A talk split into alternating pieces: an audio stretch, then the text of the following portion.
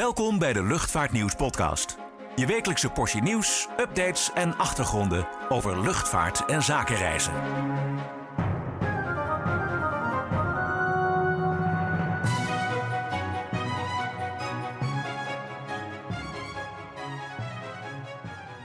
Ja, welkom weer bij een uh, kerstverse luchtvaartnieuws podcast, waarin we weer uh, het nieuws van deze week gaan doornemen.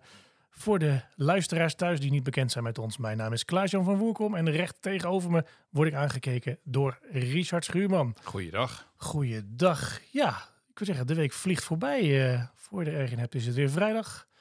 En is het weer tijd voor, uh, voor deze podcast. De week van KLM zou je haast zeggen. Hè? Uh, is er wat gebeurd met KLM dan deze week? Oh. Nauwelijks, nauwelijks in het nieuws geweest. Het begon heel ontspannen vorige week hè? met de KLM Open. Het begon uh, zeer ontspannen en zonnig en letterlijk geen, geen wolkje aan de lucht in het zonnige Kromvoort in Noord-Brabant. Dat was inderdaad de, de KLM Open. Ze sponsoren weer dit jaar. Tenminste, ze sponsorden ook in de coronacrisis, maar niet als naamgever. Dat vonden ze niet heel chic naar buiten toe.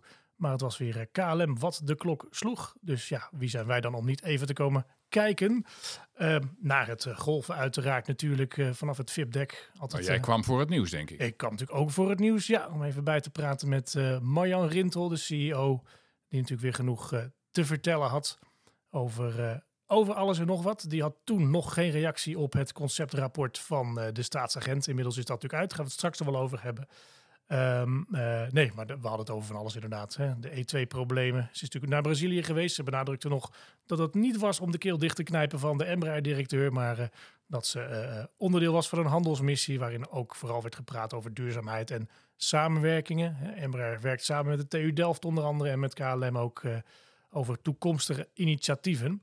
Um, maar goed, nee, het was weer goed toeven in, in Brabant. Ik zag Dick Benschop nog even langs vliegen, maar die was, uh, was uh, te druk om vragen te beantwoorden, onder andere waarover oh, die... Liep, liep, waarschijnlijk met een grote boog om de media heen, denk ik. Uh, ja, misschien wel. Ach ja, de media heeft er toch niet voor gezorgd dat hij dat die moest opstappen. Dat waren andere factoren. Ja, nee, maar we hadden van de week wel het bericht vanuit het Parool... dat maatschappijen als Ryanair, EasyJet en Norwegian... Oh nee, Vueling was het. Die willen graag het management en voormalig management van Schiphol horen over wat er vorig jaar allemaal is misgegaan. Dus daar ja, heeft de rechtbank in meegestemd. Dus misschien dat meneer Benschop nog verhoord gaat worden. Dat lijkt me dan wel haast vanzelfsprekend. Wie weet, nou, dan hoop ik dat hij een aangename en ontspannen middag heeft gehad in elk geval. Uh... Oké, maar we hadden het ja, over de KLM open. We hadden het over de KLM open, ja. Nou goed, wat viel uh, daarop? wat viel daarop? Um, nou, vorig jaar toen stond KLM daar met een grote stand waar de toen nieuwe premium economy klasse werd gepresenteerd. tenminste, we moeten Premium Comfort zeggen natuurlijk officieel. Hè? Niet te verwarren met Economy Comfort. Wat weer Economy Class is met een uh, klein beetje extra beenruimte. Uh, maar goed, nu was er vooral aandacht voor duurzaamheid. Nou, moet je natuurlijk een beetje mee oppassen als luchtvaartmaatschappij. Want voor je het weet word je neergesabeld door uh, milieugroeperingen. Je mag niet zeggen dat je duurzaam bent of duurzaam doet of iets duurzaams hebt bedacht. maar er stond ja, een soort blauwe kubus, een, het KLM Lab laboratorium waar je als bezoeker kon worden uh, bijgepraat over uh, ja, het heden, verleden en de toekomst qua duurzaamheid bij KLM. Uh, als je naar de toekomst kijkt, natuurlijk het gebruik van SAF, hè, wat ze veel meer willen gaan doen. elektrische grondvoertuigen, elektrische vliegtuigen, de Flying V, allemaal bekend. Dat kunnen we bekijken. Um, en er werden ook zowaar tips gegeven over wat je allemaal ja, wel en vooral niet zou moeten inpakken in je bagage. Dat vond ik wel een beetje opvallend. Uh, hè, onlangs hadden we natuurlijk een, een, een heel, heel, heel klein beetje, uh, ja, een, een, een, klein beetje ellende met, uh, met KLM vanwege een verhaal wat we over hun duurzaamheidsidealen hebben geschreven.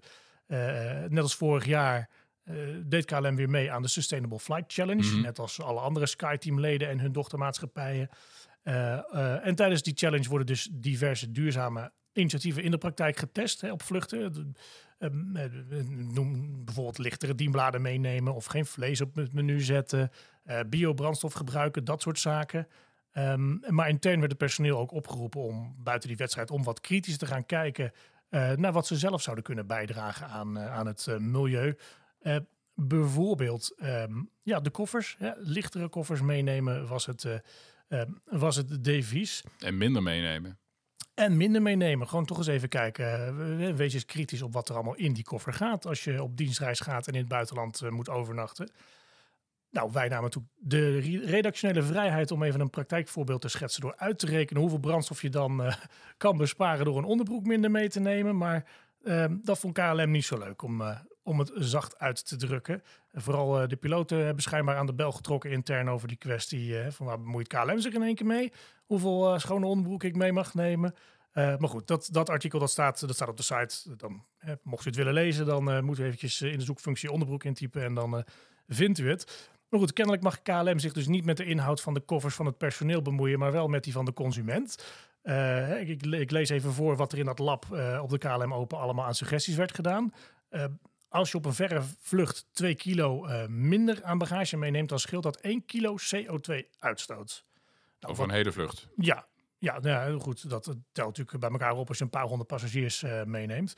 Goed, wat weegt er dan volgens KLM eh 2 kilo? Nou, twee zomerjurkjes bijvoorbeeld, hè, twee lelijke Hawaii-shirts, vier boeken. Wie neemt er nog boeken mee? Maar goed, twee stijltangen, een verrekijker of twee korte broeken. Dat is allemaal, hè, je komt zo aan die kilo's. Eh, en KLM zegt zelfs, eh, als alle passagiers die we vervoeren 2 kilo minder zouden meenemen, dan stoten we op jaarbasis 18,5 miljoen kilo CO2 minder uit. Dan betwijfel ik wel of een zomerjurkje en twee zomerjurkjes, of je dan aan twee kilo komt. Ik wil Zo zeggen, zwaar is zo'n jurkje toch niet? sommige, sommige mensen misschien in een middeleeuwse maliënkolder op vakantie gaan. Je neemt niet een eh, harnas mee. nee, niet? Oh, nee, ja, nee alleen, niet tenminste. alleen een steekvest, afhankelijk van de bestemming. Nee. Eh, maar goed, buiten, buiten de KLM open om gaan ze het geloof ik niet echt heel hard promoten allemaal, dat hele bagageverhaal. Ik denk dat dat... eh, Neem een minder beetje- mee. Ja. Nee, minder mee. Ja, maar goed, ik denk dat mensen dan toch... eh, als je ook andere initiatieven hoort, zoals deze week... van kun je niet beter gewoon zorgen dat iedereen zijn catering vooraf bestelt... zodat je niet... eh Idee van Airbus, hè? Ja, idee van ja, Airbus ja. inderdaad. Van, Een bij andere de- manier van catering in een vliegtuig. Dat je eh, minder gewicht meeneemt aan boord. Omdat misschien niet alle maaltijden gebruikt worden. Maar dat je echt weet, Pietje of Marietje bestelt dat. eh, en dat neem je bij de gate mee. Dan zou het allemaal lichter moeten worden aan het vliegtuig. Dus ja, Ja, het gewicht is wel eh, eh, ja, de, vriend van klimaatwinst, zou je zeggen. In dit geval bij de luchtvaart. Maar dat is eigenlijk altijd al zo geweest, toch? ja. Lichter is lichter. En dat zit Ja. in het vliegtuigontwerpen. Maar nu dus ook in zomerjurkjes. en onderbroeken. En onderbroek, ja, precies. Maar goed, wat ik al zei, ze gaan het geloof ik niet echt heel hard promoten, eh, zo publiekelijk. Nee, de nadruk zal toch meer liggen op het verkopen van tickets en aanvullende diensten. hè, Maar die stand dan die jij Ja. zag eh, bij Mhm. de KLM Open, staat die dan op meerdere dingen? Dat, dat, eh, dat je die straks tegenkomt als consument op een beurs van hier, dit zijn de ideeën van KLM? Of was dat puur maar iets wat alleen maar bij de KLM Open te zien was? Dat, ja, dat antwoord moet ik je schuldig blijven. Ik zou me kunnen voorstellen dat je dat wel op een roadshows misschien meeneemt. Ja. Ja, ja maar Er is wat weet. gaande daar. Nou, Er is altijd wat gaande, ja precies. Maar goed, wat ik al zei, ze richten zich meer natuurlijk op de ticketverkoop en stoelselectie en extra beenruimte en extra bagage en zo. Dus dat, eh, het, het gaat natuurlijk uiteindelijk ook om de inkomsten.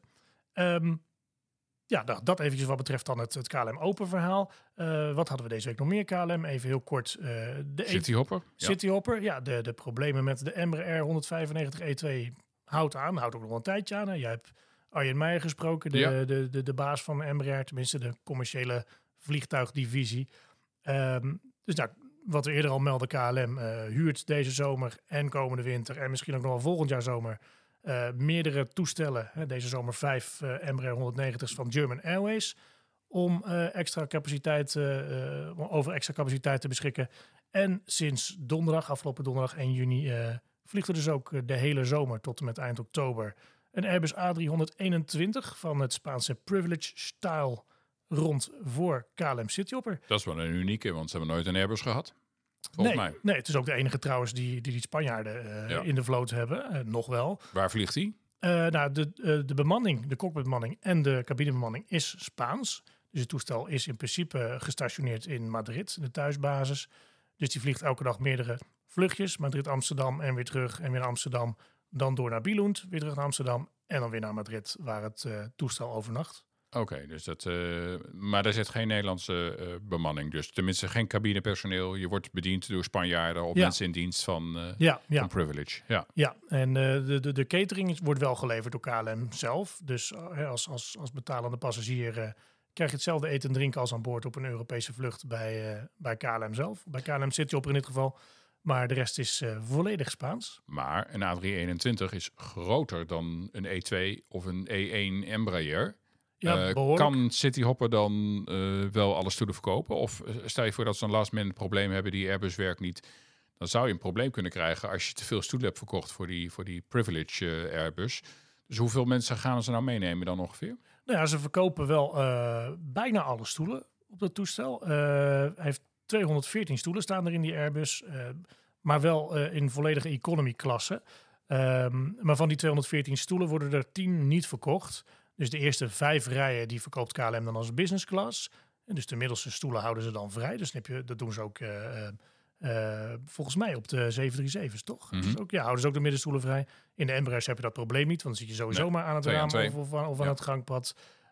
Dus ja, officieel verkoopt KLM 20 business en 184 economy class stoelen op dat toestel. Moet nog tot 28 oktober dus eh, te zien in Nederland. Wel opvallend trouwens dat KLM er dus wel in slaagt om een heel zomerseizoen lang zo'n kist vast te leggen. En Transavia de grootste moeite heeft om eh hapsnap eh, Ja. een, een kistje binnen te halen. Ze hebben er een, een paar structureel, tenminste jij bent daar Ja, ze, ingedoken. eh, eh, dat is de ETS, eh, eh, dat is een, een wetlease bedrijf. Dat heeft structureel een Boeing 737 voor Transavia ETF, E hè? beschermd. ETF, ETF, ja, ja. niet ETS, nee, ETF. Ehm, maar Privilege had maar heel kort een eh 757 beschikbaar voor Transavia. En eigenlijk ook de andere wetlease toestellen. Ze zijn allemaal weer bij eh, Transavia weg. Oké. Ehm, en ja, Transavia heeft wel nu sinds donderdag 1 juni de derde van de vijf toestellen van de ex-Blue Air eh, Boeings beschikbaar. oh ja, ja. Er is er weer eentje bijgekomen, dus eh, dat probleem is iets aan het oplossen. Maar er staan er nog steeds twee in Praag. Ehm, al had Trans Transavia, maar dat zeiden ze vorige week ook al, eh, de hoop dat ze die toestellen voor de zomerpiek allemaal in dienst krijgen. Eh, maar er is dus in ieder geval in bijgekomen. Maar op dit moment hebben ze eh, heel weinig wetlease capaciteit en willen ook niet met alle wetlease bedrijven zaken doen. Nee, maar we weten natuurlijk niet wanneer City Hopper dat contract met Privilege al heeft rondgekregen. Eh, maar in ieder geval, het toestel is dus nu tot, dacht ik, het eind van de hele zomerdienstregeling hè, in gebruik. 28 Ja. oktober, ja. Ja. ja. Ze hebben het een maandje geleden ongeveer Ja. getekend. Maar goed, toen had Transavia die problemen natuurlijk ook, Ook al. al, ja. Maar inderdaad, wat je zei, Transavia geeft ook aan, eh, eh, ja, het vraag aan hun gesteld van, hè, we willen niet, niet met, met allerlei schimmige bedrijfjes willen ze zaken doen. eh. Ja. Want als je wil, kun je altijd wel ergens een, een afgevraagde 737 vandaan halen. Ja. Maar je wil ook naar je klanten toe en voor de veiligheid toch wel bij jezelf in de buurt blijven. Ja. Trouwens, goede, goede business als je nu toestellen verhuurt. Wat kost het iets van 4000 euro per uur? Ja, zoiets. Ja, dat zijn wel flinke bedragen waar nu de wetlease bedrijven eh, eh, mee kunnen rekenen. Maar Ja. ze zeggen ook van het valt eh, natuurlijk nu goed en gunstig uit. Maar Ja. in de wintermaanden, dan wordt het natuurlijk een heel ander tarief. Maar, maar meer over de problemen bij Transavia vind je in het juni-nummer van Luchtvaartnieuws Magazine. Dus kijk daar alvast even naar. Ja, ja precies. We waren nog niet klaar met KLM, denk nee, ik. nee, ja. Heel nee, Nederland is zeggen, We moeten toch over Jeroen Kremers gaan hebben. De staatsagent Onder andere. eh, slash pion, niet spion. eh, die zijn eh, toch niet malse eindrapportage naar de Tweede Kamer heeft gestuurd. En waar ongeveer alle luchtvaartwoordvoerders uit de politiek wel een mening over gegeven heeft. En nog, en nog meer eigenlijk. En, en, en je ziet toch, ja, het heeft behoorlijk wat stof doen opwaaien. Dat mag natuurlijk helemaal niet, hè, met je stikstof en je fijnstof. Maar de, de, de, ja, het rommelt behoorlijk. Hè. De KLM is eh, boos. Die, die vindt allemaal dat het eh, niet, niet helemaal een goede voorstelling van zaken is. De vakbonden die zijn er overheen gevallen. Ja, je ziet hier duidelijk een verschil van, van meningen. Hè? Het rapport van de staatsagent Jeroen Kremers, eh, zijn laatste en vijfde rapportage, eh, gaf in een notendop aan dat, zij, dat hij vindt dat KLM zich niet aan de voorwaarden heeft gehouden die in 2020 zijn afgesproken bij het staatssteunpakket, hè, waar KLM bij elkaar eh, 3,4 miljard aan leningen en bankgaranties kreeg. Hij is met name kritisch over dat KLM achterblijft bij eh, de, de, de doelstelling om te besparen. Ja, Eh, eh, 15% structurele eh, besparingen zou KLM moeten realiseren. Ehm, hij zegt dan dat gaan ze dit jaar niet halen. Hè. Ze komen 250 miljoen op dat eh, bedrag tekort. En dat wordt over twee jaar zelfs 475 miljoen. Hij is kritisch over de, de bijzondere uitkering eh, die er is gedaan eh, aan, aan of, of de verhoging van, van, van de salarissen. Dat die toch eh, is meegenomen in, in de ja, afspraken. dat was een tegemoetkoming hè, die ze Ja. in mei hebben gekregen als een soort van bedankje Ja. voor het 17 maanden achter elkaar inleveren van salaris. Ja, dat- ja, het, dat- is, het is niet of zo alsof ze dat ineens weer allemaal terug hebben gekregen. Nee, nee, nee, dat niet. En dat gold dan ook vooral voor, voor de mensen met wat lagere salarissen. Maar hij is erg kritisch dat de piloten, dus sterkste schouders, dat die onvoldoende zouden hebben bijgedragen aan de kostenbesparing. Dan heeft hij ook nog kritiek eh, op de dividenduitkering die KLM heeft gedaan over 2022. Uh, en hij zegt dat KLM gewoon een aantal dingen verkeerd uh, en onjuist heeft opgeschreven in zijn jaarverslag. Nou, daar ging KLM natuurlijk fel tegen in. Die zegt van wij hebben ons wel degelijk gehouden aan bezuinigingen. Spreekt niet zozeer in de verklaring over de structurele bezuiniging. Maar ze zeggen we hebben wel degelijk bespaard en dat werkt ook nog door. Um, ja, en KLM verwijst ook van die, die, die extra betaling aan het personeel. Uh, daarvan heeft ook een internationale uh, vakbondsorganisatie, die ILO, gezegd van uh, zoals die bezuiniging was afgesproken, was niet conform de afspraak. want je moet met de bonden ook om tafel, je moet met het personeel in ieder geval om tafel. Um, dus die afspraak zoals die gemaakt was, had nooit op die manier gemaakt mogen worden. Um, en dat zeggen ook de, de vakbonden, VNC, VKP, anderen. Die, die zeggen ook van wij stonden in ons recht uh, om dat extra geld weer te claimen. En over de, de winstuitdeling, uh, de winstuitkering, hè, dividend, ja, die is over 2022 uitgekeerd nadat uh, de staatssteun al was terugbetaald. dus daar stond, en dat zegt ook de minister, KLM eigenlijk wel vrij in om, om, om dat te doen. Maar je ziet die twee werelden. De, de realiteit die, die Kremers ziet. Waarvan KLM zegt dat zijn meningen en feiten. En er zitten ook persoonlijke meningen ja, in. Ja. Bijvoorbeeld meningen over hoe de netwerkcapaciteit hier op Schiphol zou moeten zijn. Ja, want zij vindt eigenlijk hè, dat het KLM een veel te grote positie heeft op Schiphol. Ja, wat transit is, zou wel weg kunnen. Want het is toch de thuismarkt. Ik bedoel, heeft Lufthansa dan ook de grote positie in Frankfurt ja. en British Airways in Londen.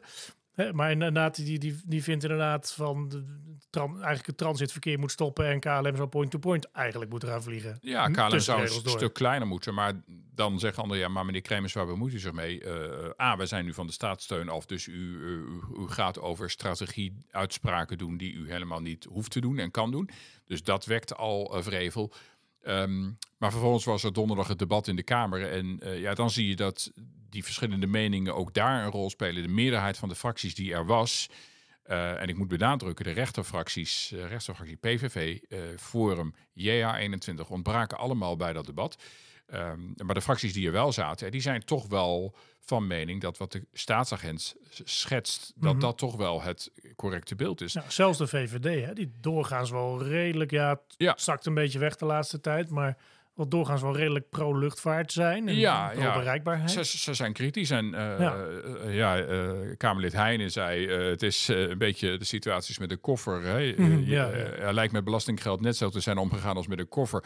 Je geeft hem met goed vertrouwen af en je moet maar zien hoe je het terugkrijgt. Nou ja, dat belastinggeld is, is op zich terugbetaald door KLM. Ik wil zeggen, want ze zitten, te, dat is ook zo'n dooddoener in, in elk debat van ja, ons belastinggeld. Ik bedoel, alle Kamerleden worden ook betaald van ons belastinggeld. Waar hebben we het over? Dat betekent niet dat ik elk Kamerlid nu kan bellen en hem kan dicteren wat hij moet doen. Maar bedoel, KLM heeft dat geld geleend tegen een behoorlijke rente, 80 miljoen. Ze hebben 80 miljoen terug. En ze hebben niet eens alles, uh, alles gebruikt natuurlijk. Ze hebben ruim 900 miljoen uh, uh, gebruikt en de rest is overgebleven ja. en teruggestort. En die uitgestelde belasting, die wordt ook hè, nu al ja. zachtjes aan terugbetaald. Goed, NOW mogen ze houden, maar dat mochten we ja, allemaal als bedrijven. Ja, Mochten wij ook. Alleen ja, dat zijn ook dingen die, die, die aan elkaar koppelt. Staatssteun, NOW-steun, die belasting. Waarvan KLM zegt, dat moet je gewoon los zien van elkaar. Dus toch gewoon een soort van opinievorming. Daar wordt die man toch niet voor betaald, want het kost een half miljoen om die man ja. überhaupt daar, uh, hoe lang heeft hij er gezeten? Twee jaar te laten rondlopen ja. op het hoofdkantoor. Maar de financiële experts in de Kamer zeggen toch, en dat zijn toch denk ik wel de mensen die er ook wel met een bepaald verstand naar kijken. Van dit is vanuit. toch ontoelaatbaar. Dit past niet bij een bedrijf dat staatssteun krijgt. Zei bijvoorbeeld Henk Nijboer van de PvdA. Hè, welk signaal geef je dan af uh, uh, als je als maatschappij, af aan de maatschappij, als je als KLM zo met het belastinggeld omgaat, zei D66. Uh, uh, CDA zegt, CDA koestert KLM, maar je mag verwachten dat ze afspraken nakomen. ChristenUnie, ja, um, hè, in het rapport worden brokkenpiloten en morele laagvliegers als termen niet genoemd, maar het had in die rapportage niet misstaan. En je merkt ook wel, minister Kaag, die zit daar toch nog een beetje tussenin, en dat zag de Kamer ook wel.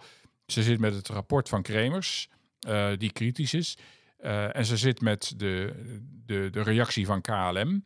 Ja, nu ze is aandeelhouder natuurlijk. Ze is aandeelhouder. Ja. Dus zij wil denk ik een beter beeld hebben. Aan de ene kant eh, eh, leunt ze heel erg op het rapport van de staatsagent. Maar aan de andere kant wil ze toch ook zeker weten dat daar eh, geen ruis in zit. En dat die aannames en constateringen ook kloppen. Dus zij doet de vlucht naar voren en komt met een evaluatie. A, op hoe dat hele traject is gegaan met de staatssteun. Nou, dat is een, om lessen te leren voor de toekomst. Ehm, mocht KLM nog weer een keer aankloppen. Ja, want dat denkt de staatsagent. Hè? Die zegt het is bijna onvermijdelijk dat KLM in de toekomst in zo'n situatie. Hij zegt ook van er moet een, KLM is niet sterk. er moet een draaiboek komen voor. Hè, want ze hebben natuurlijk. Het was natuurlijk een, een hele rare situatie die we niet kenden. De hele pandemie. Er Ja. moest nu gehandeld worden. Er moest nu geld bij. Hè, bij, bij alle bedrijven. Hè, iedereen. eh, Ja. Het was natuurlijk. Het is snel gegaan. Hè? Het is. Het was natuurlijk geen, geen broddelwerk omdat het zo snel ging. Maar je zou achteraf zeggen van hadden ze daar niet een paar hele goede juristen op moeten zetten om het toch nog helemaal dicht te timmeren van nou, dat, ook als je het afgelost hebt, dan nog gelden bepaalde voorwaarden. Ja, dat, dat, dat is de, het punt waar Kaag eh, aan de ene kant naar, eh, op benadrukte van hebben we dit eh, goed gedaan? Ja. Wat kunnen we daaruit leren? De SP zei daarbij overigens, hier hebben wij voor gewaarschuwd. Je kan niet randvoorwaarden gaan stellen op het gebied van economische bedrijfsvoering, lonen, eh, le- leefbaarheid, duurzaamheid. Als je eh, een staatssteun op deze manier aankondigt, als eh, KLM gered had moeten worden, dan had de, K, had de staat in 2020 een, belang, een groter belang in KLM moeten nemen. Nou, dat is natuurlijk met de constellatie met Air KLM helemaal niet aan de orde en niet gebeurd. Maar dat is de lijn van de SP. Maar aan de andere kant, naast die evaluatie heb je ook van, zijn hier door KLM daadwerkelijk dingen eh, fout gegaan? Eh, eh, mis, is er sprake geweest van misleiding? Fout, valt KLM iets te verwijten en misschien zelfs wel strafbaar?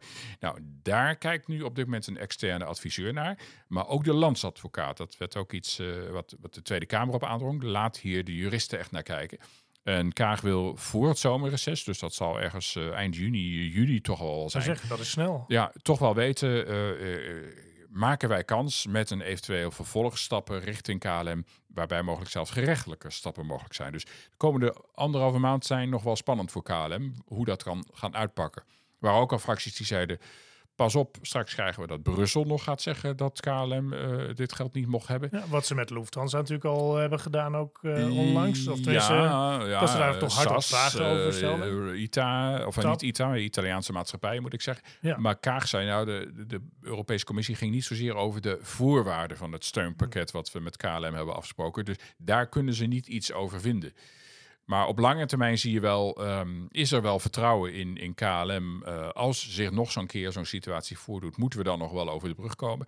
Je merkt in de Kamer dat daar de twijfels wel zijn van, eh, eh, ja, dit heeft een flinke deuk opgelopen.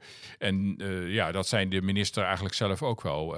die, die gaf toch aan dat, ehm, eh, ja, het, het vertrouwen heeft een deuk gehad. Eh, dit hadden wij op deze manier niet verwacht dat KLM zich niet aan die voorwaarden zou eh, houden. Dus daarmee leunt ze inderdaad sterk op de staatsagent. Maar ze wil het dus nog een keer opnieuw bekijken. Dus rond de zomer en in het najaar, als de evaluatie er zijn, dan eh, gaan we zien hoe dit uiteindelijk uitpakt voor KLM. Ja, verwacht je dat Johan Remkes van stal wordt gehaald voor een parlementaire enquête? Of gaat het zover niet komen? Mm, Nou, dat denk ik niet. Kijk, er zijn in het debat ook geen moties of andere dingen gezegd. De minister en het kabinet doen nu hun ding. Eh, ik, dat speelt waarschijnlijk pas meer rond, rond de zomer. Maar Ja. ja. gaan we eventueel een strafbaar eh, traject in via een rechter? Oeh, dat is een weg die je niet in wil gaan. Maar Maar daar he- heel lang duren en dan Ja. kost ook heel veel tijd en dan geld. is de verliezer eh, eigenlijk de enige, enige, is de KLM de grote verliezer. En, en ja, dan wordt niemand blij van deze. Terwijl KLM toch zegt, wij hebben het gered. Hè? Mensen vliegen weer, we Ja. bieden weer vluchten aan. We nemen Eh, weer mensen aan. We hebben nemen al weer 550 mensen aangenomen. En we zijn ook heel dankbaar dat de, de belastingbetaler ons heeft gesteund. Maar ja, eh, lees Twitter, of moet je misschien maar beter niet doen. Sowieso, Social beter, media. sowieso beter niet open riool. Maar eh, En, je- en je weet hoe er publiekelijk eh, door verschillende partijen letterlijk wordt gedacht Ja. over KLM. koren op de molen voor sommige partijen. Zoals minister zei, KLM heeft een voorbeeldfunctie. Dat moet zwaar wegen op de schouders van het bedrijf en de raad van bestuur. En dat is wat Marjan Rintel zich moet aantrekken. Maar misschien ook wel een Ben Smith, hè, die Ja, toch ook een Pieter bonus... Nog. Ja, bon, eh, daar ging het ook in de Kamer over. Eh, Elbers kreeg natuurlijk nog een nabetaling en Ja. bij zijn vertrekregeling. Daar werd schande van gesproken. Maar de rechter zei, daar had hij recht op. Eh, ben afspraak Smith, afspraak. geen onderdeel van het pakket van de staatssteun. Dus ook niet van de beoordeling van meneer Kremers. Maar krijgt nog wel over 2022 een bonus uitgekeerd. Terwijl toen Air France nog staatssteun kreeg.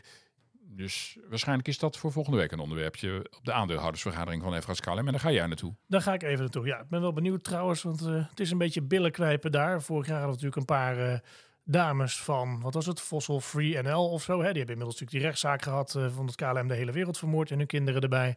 maar er wordt een beetje gevreesd dat er misschien iets andere soort actiegroeperingen nu voor de deur zullen liggen daar. Ja. We gaan het zien. Ik neem alvast een extra onderbroek mee, mocht ik niet terug kunnen vliegen. Oh jee. Ja. Dan ben je wel zwaarder.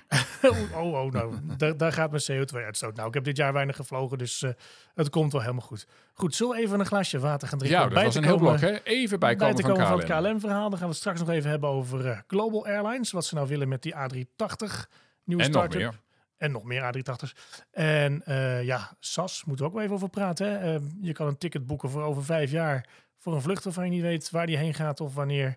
Waarvan wel de prijs alvast duidelijk is. Goed, nou dan gaan we eventjes, uh, gaan we eventjes koffie drinken. Word nu abonnee en ontvang 12 keer per jaar het Luchtvaartnieuws magazine. En onbeperkt toegang tot nieuws en achtergronden op luchtvaartnieuws.nl en zakenreisnieuws.nl. Ga voor meer informatie naar luchtvaartnieuws.nl/slash abonneren. Ja, daar zijn we weer. Um, ja, wat ik net al zei, Global Airlines. Een vrij generieke naam. De zoveelste start-up in Groot-Brittannië uh, die verre vluchten wil gaan aanbieden met de Airbus A380. Ik dacht even dat het een 1 april grap was. Ja, jij bent dus niet de enige. Het schijnt uh, bloedserieus te zijn. Het was ook geen 1 juni grap dat ze daar in Engeland het op een andere datum vieren. Uh, wat is dat voor een verhaal? Ja, heel, ik, ik vind het een heel vaag verhaal. Global Airlines, niet te verwarren met uh, heel veel andere bedrijven die Global in hun naam hebben staan. Uh, is een luchtvaartmaatschappij in wording, die zich in 2021, 2022 voor het eerst heeft gemeld. Um, daar zit achter een Engelse zakenman, uh, James Asquith. En die kennen we? Ja, daar wordt steeds gezegd dat hij de jongste 24-jarige was die al in 196 landen of zo was geweest. Uh, maar hij zit ook achter een soort Airbnb-bedrijf, uh, Holiday Swap. Ja, kun je je huizen ja. maar ruilen. En dat anders in komt wonen in de vakantie. doet het blijkbaar wel goed, maar heeft dus ook aspiraties om de luchtvaart in te gaan.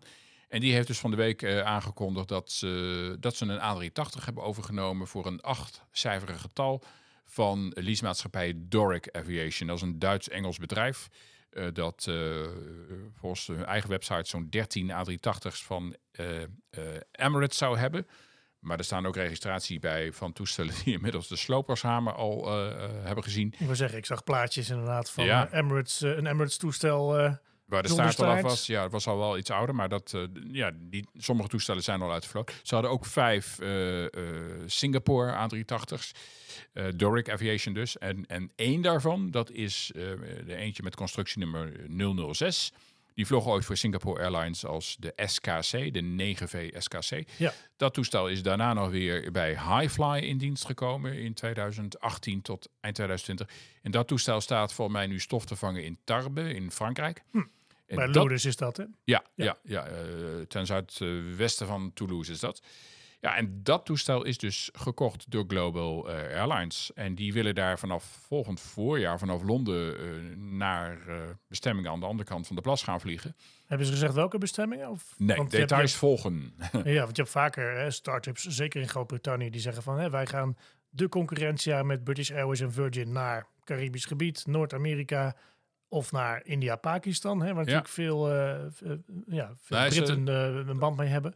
Nou ja, ze hebben er nu één. En op die website van Global Airlines staat dat ze drie of vier er, uh, A380's willen hebben. En daar willen ze mee het gevoel teruggeven van ja, de, de grandeur van het vliegen zoals dat eerder was. Maar Dan daar, denk ik de jaren 50, 60.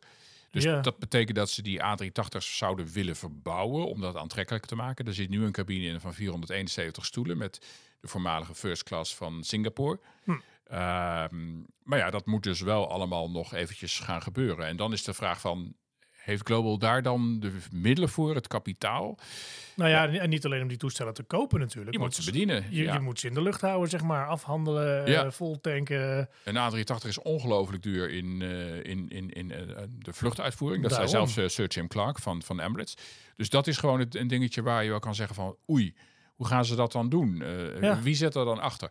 Nou, eh, achter Global, daar zit dat eh, andere bedrijf van eh, James Asquith, dat, die Holiday Swap. Mhm. Ehm, en die hebben wel de laatste maanden kapitaal opgehaald. Die kwamen in april, april nog met een equity raise van 15 miljoen dollar. Ja, dat zouden schiet ook niet echt op als je een airline wil oprichten, niet toch? voor een airline. Nee. Nee. Je zou er dan 400 miljoen hebben, bij elkaar hebben gehaald. Ehm, en 60 miljoen dollar voor luchtvaartactiviteiten beschikbaar hebben. Maar dat klinkt ook nog niet heel ook veel. niet heel veel, nee. Wat het enige wat een beetje een, eh, een, een, een vraagteken voor mij is, is eh, de, achter die holiday swap zit een aandeelhouder. En dat is eh Sheikh eh, Yuma. Sheikh Yuma is lid van de Al Maktoum-familie. Ah, Dubai. Juist, de Al Maktoum-familie is natuurlijk van de ruler, de, de heerser van Dubai. Ja. En die familie bezit ook de fondsen waar Emirates en Fly Dubai uit zijn gefinancierd en opgericht. Ik vermoed niet dat er een directe link zal zijn eh, naar meer fondsen, maar ehm, je weet op dit moment niet eh, of misschien via die achterdeur uit Dubai er, en met Global Airlines als een soort van nieuw concept iets eh, in de markt wordt gezet dat blijkbaar premium is, maar tegelijk ook de economy klanten eh, moet aantrekken Ja, maar ja, en dat, dat, aanspreken. dat doen die Midden-Oosten carriers toch zelf ook? Onder Ja. andere Emirates. Bedoel, Je hebt natuurlijk je hebt daar first class, business class, premium, Premium. economy, economy. Daarom, En- wat is de toegevoegde waarde van Global? Precies, dan heb je nog Fly Dubai als prijsvechter eronder hangen. Ja. ja. En dat in een zeer, zeer concurrerende markt als transatlantisch, waar eh Norse natuurlijk eh, als eh, low-cost prijsvechter komt. In de komende jaren eh, de, de gebruikers van de, de, de kleinere toestellen, de A321 Long Range, JetBlue, ja. de XLR die erbij komt, die hebben hele andere kostenplaatjes dan als je een A380 op die route in gaat zetten vanuit Londen. Dus eh, hè, zelfs British Airways vliegt niet met een A380 naar New York. Nee. Eh, Nee. Die route is dusdanig, daar willen mensen vaker een frequentie hebben dan één keer in een hele grote kist te zitten. Dus ik ben werkelijk benieuwd wat is het businessmodel van Global. Maar ik ben er niet van overtuigd. Ik eh, durf er ook wel eh, iets op in te zetten dat ze geen meter de lucht in komen. Ja, Nee, er waren al mensen die zeiden, oh, we zagen foto's van de week met James Asquith op de trap bij het vliegtuig, met Global op de romp. En een dag later waren ze eraf. Nou, voor mij is het een grote en hele goede Photoshop geweest. Ja, dat zou ook Of misschien inderdaad. helemaal geen goede, maar hele goedkope stickers, zeg maar. Eh. ja. ja, Er nee. werd ook al gezegd van, oh, eh, die eh, konden er niet meer op blijven. Dat is, eh, Nee, maar sowieso Global Airlines. Dat klinkt gewoon een beetje als, als een generieke eh, airline die in eh, Flight Simulator zit, zeg maar, in dat computerspel. Toch, ja, ik had een betere naam gekozen, maar goed. ja, precies. Nou goed, het is wel zo dat je natuurlijk je naam niet gelinkt wordt aan een bepaalde plek. Hè, wat bijvoorbeeld Air Berlin had hè, op de Chinese markt. Dat mensen dachten, oh, je vliegt alleen maar naar Berlijn. Daar vlogen ze nou juist net niet naar, zeg maar, eh Longhol. Maar goed, dat terzijde. Ja, dus dat is een maatschappij waarvan we moeten afwachten of hij gaat vliegen. En dat geldt ook voor het volgende onderwerp, hè? De Eh. elektrische vluchten met SAS. Ja, nou ja, goed, daar vragen we ons niet per se vanaf of het gaat gebeuren. Want hè, SAS heeft echt wel hele serieuze eh, plannen. Het idee is om, nou, officieel hebben ze ze niet gekocht, maar in de, in de uitingen wordt het toestel wel getoond, de, de, de ES-30 van Hart Aerospace. Een propellervliegtuig elektrisch aangedreven met plek voor eh 30 passagiers. Eh, want binnen Scandinavië willen ze sowieso het vliegverkeer eh, elektrificeren en liefst zo snel mogelijk. SAS heeft nu gezegd van in 2028 hopen we in Zweden en Denemarken en Noorwegen elektrisch te vliegen. En je kon inderdaad, konden ze van de week aan, een ticket boeken. Hoefde je nu niet te betalen. Dat hoefde pas een maand voordat die vlucht vertrekt. Maar je weet dus niet inderdaad met welk vliegtuig je vliegt, waarheen je vliegt of waar vandaan. Ehm, Binnen een van de drie landen. Ja. ja. en wanneer dan? Maar het was wel heel populair. Want ik de- wou zeggen, we gingen even kijken om iets over 12 toen de ticketverkoop van start ging. Maar eh, toen waren alle 90 tickets al redelijk. eh, Ja, dat is natuurlijk ook niet zoveel. Hè? Dus, eh, en je betaalde 1946 Zweedse, Deense of Noorse kronen. Dat Ja. maakt qua omrekening... 168 euro, denk ik. Ja, zoiets al in de buurt. En dat is dan weer een verwijzing naar het jaar waarin SAS begon met haar eerste vluchten. Dus ja, 1946. Ja. Maar eh, ja, wat jou zei, eh, zij hebben officieel nog nooit een order geplaatst bij Hart Aerospace. Eh Anko van der Werf, de Nederlandse CEO bij SAS, zit natuurlijk wel in de adviesraad van eh Hart Aerospace. Ja, ze werken samen bij de ontwikkeling daarvan. ja, hè? ja. Ja, dus het, het ligt wel voor de hand hoor, eh, dat ze, dat ze die toestellen gaan kopen. Maar Ja. goed, er zijn natuurlijk meerdere spelers eh, die zich proberen te melden op de elektrische markt. Eh Mave Aerospace, eh, Aura. Aura lijkt nog het meest. Dat is een Frans bedrijf dat een 19-zitter aanbiedt.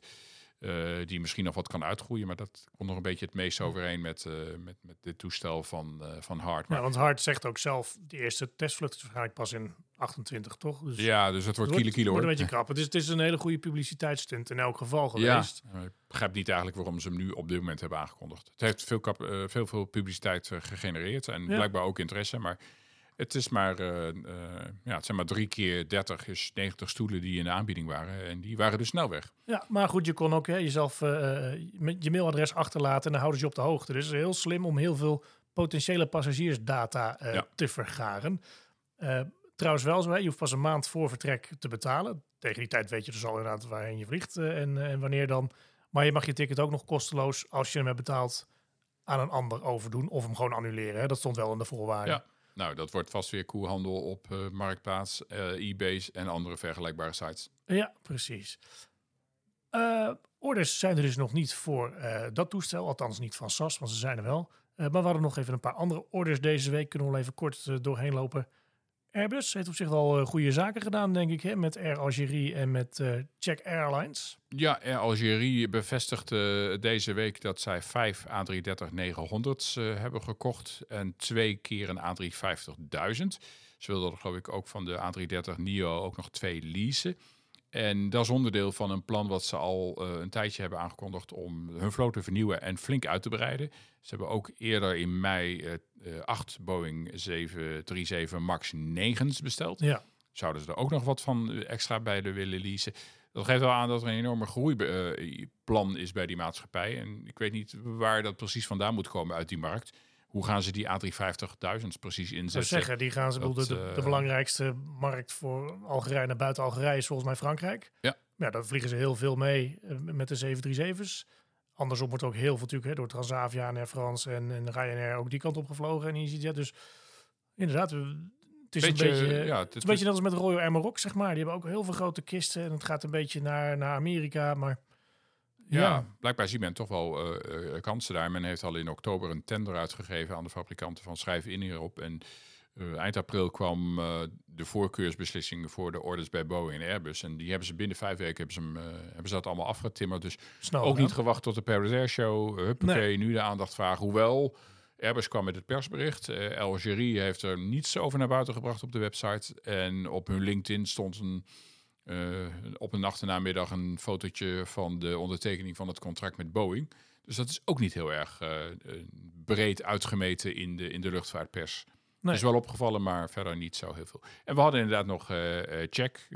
ja, die vond, die vond ik opvallend. CSA. De, die, die, die, hebben nu één, één Airbusje waar ze alleen maar naar Parijs vliegen vanaf Praag. Dat, dat netwerk is helemaal ingestort.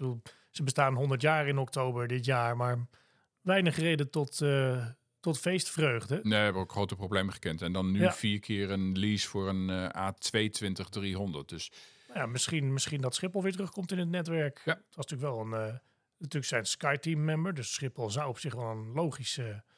Uh, een logische plek zijn om naartoe te vliegen. Om de markt terug te veroveren. Ja, want KLM zit hier natuurlijk ook met doorverbindingen naar Praag. Dus, Waarom ja. niet? Ja, maar goed, hebben ze in één keer van één naar vijf vliegtuigen. Of naar vier als dan die... Ja. Dat hebben ze nu een A319 of een A320 volgens mij zelfs. Ja, er zijn ook wat oudere dingen. Dus nou ja, verder, ja. Uh, we gaan het wel zien. En over twee weken hebben we Paris Air Show. Dus kijken ja. wat daarvoor nieuws naar buiten gaat komen en eventuele orders. Maar uh, ja, van de week was er ook nog een persbijeenkomst in uh, Noord-Charleston voor Amerikaanse media vooral bij Boeing. Ja. en Boeing zei, ja, we hebben eigenlijk sinds Farnborough al meer dan duizend orders gehad. Dus dat geeft wel aan dat je moet niet alleen maar je blind staren, maar daar heeft het voor mij eerder over gehad, over de airshow. Uh, de ja, ze, spa ze, sparen het een beetje op. Of ze hebben eerst, hè, eerst een letter of intent en een ja, memorandum ja. of understanding. En dan uiteindelijk een definitieve order. En dan weer een order met leasemaatschappijen. Dus je kunt het lekker uitspreiden, je media Ja, maar daar heeft eh eh, Air niet op gewacht en Embraer ook niet. die heeft ook in de Nee. laatste weken al eh, diverse orders eh, Ja, ja, aangekondigd. die hadden natuurlijk nog wel in mijn lijstje, hè, de airshow, waar, ze, waar ze SKS hebben aangekondigd. Scoot hebben geformaliseerd en daarvoor al Roy- Royal Jordanian hebben aangekondigd. Ja, dus Ja. dat... nou, dan gaan we het wel weer zien eh, wat er verder aan eh, ontwikkelingen zijn in de komende week. Ja, precies. Sowieso nou, wa- wat ik vorige week dacht dat deze week was, maar nu echt aanstaande is. morgen zaterdag natuurlijk de nieuwe Montreal-route van Air Canada. Die, eh, die voor het eerst wordt gevlogen met een Dreamliner. Nou ja, maandag play. Dus Ja, weer terug met vluchten naar Keflavik International Airport op IJsland. Dus ja, En, de eh, IATA, de AGM. IATA-top in Istanbul komt er ook nog aan. Kijken wat daar nog van nieuws vandaan hou ik op Ja. te halen valt. En inderdaad de aandeelhoudersvergadering eh, van Air France KLM in Parijs. Nou, zo vullen we de week, eh, zo vullen we de week wel. Ik zou zeggen, luister volgende week maar weer. Maar ga eerst deze nog maar eens eventjes laten bezinken. Want er is genoeg gezegd. Ja, precies. Nou, dan gaan we zo zachtjes aan maar weer eens afsluiten en richting het weekend toe. Het wordt een zonnig weekend, dus bedankt voor het luisteren. En tot de volgende keer. Bedankt voor het luisteren naar de Luchtvaartnieuws podcast. Voor opmerkingen, vragen of suggesties, mail ons redactie@luchtvaartnieuws.nl. Een fijne dag en graag tot de volgende podcast.